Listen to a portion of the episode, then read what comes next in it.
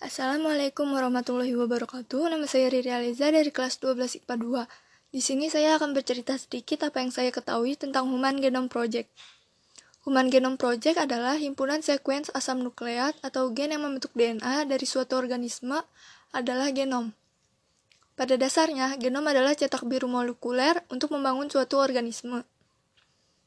The genom manusia adalah kode genetik dalam DNA dan 23 pasang kromosom dari Homo sapiens, ditambah DNA yang ditemukan dalam mitokondria manusia.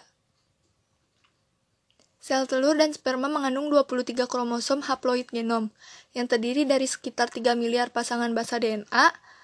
Sel somatik misalnya otak, hati, jantung memiliki 23 pasang kromosom, diploid genom, dan sekitar 6 miliar pasangan basa. Sekitar 0,1% dari pasangan basa berbeda dari satu orang ke orang lain.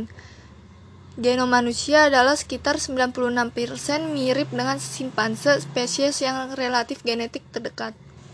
Komunitas riset ilmiah internasional berusaha untuk membangun peta urutan pasangan basa nukleotida yang menyusun DNA manusia.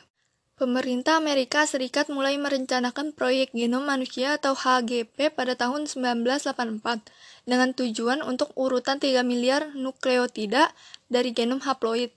Sejumlah kecil relawan anonim memasok DNA untuk proyek tersebut, sehingga genom manusia menyelesaikan adalah sebuah mosaik DNA manusia dan bukan urutan genetik dari satu orang. Sekian dari saya, kurang lebihnya mohon maaf. Wassalamualaikum warahmatullahi wabarakatuh.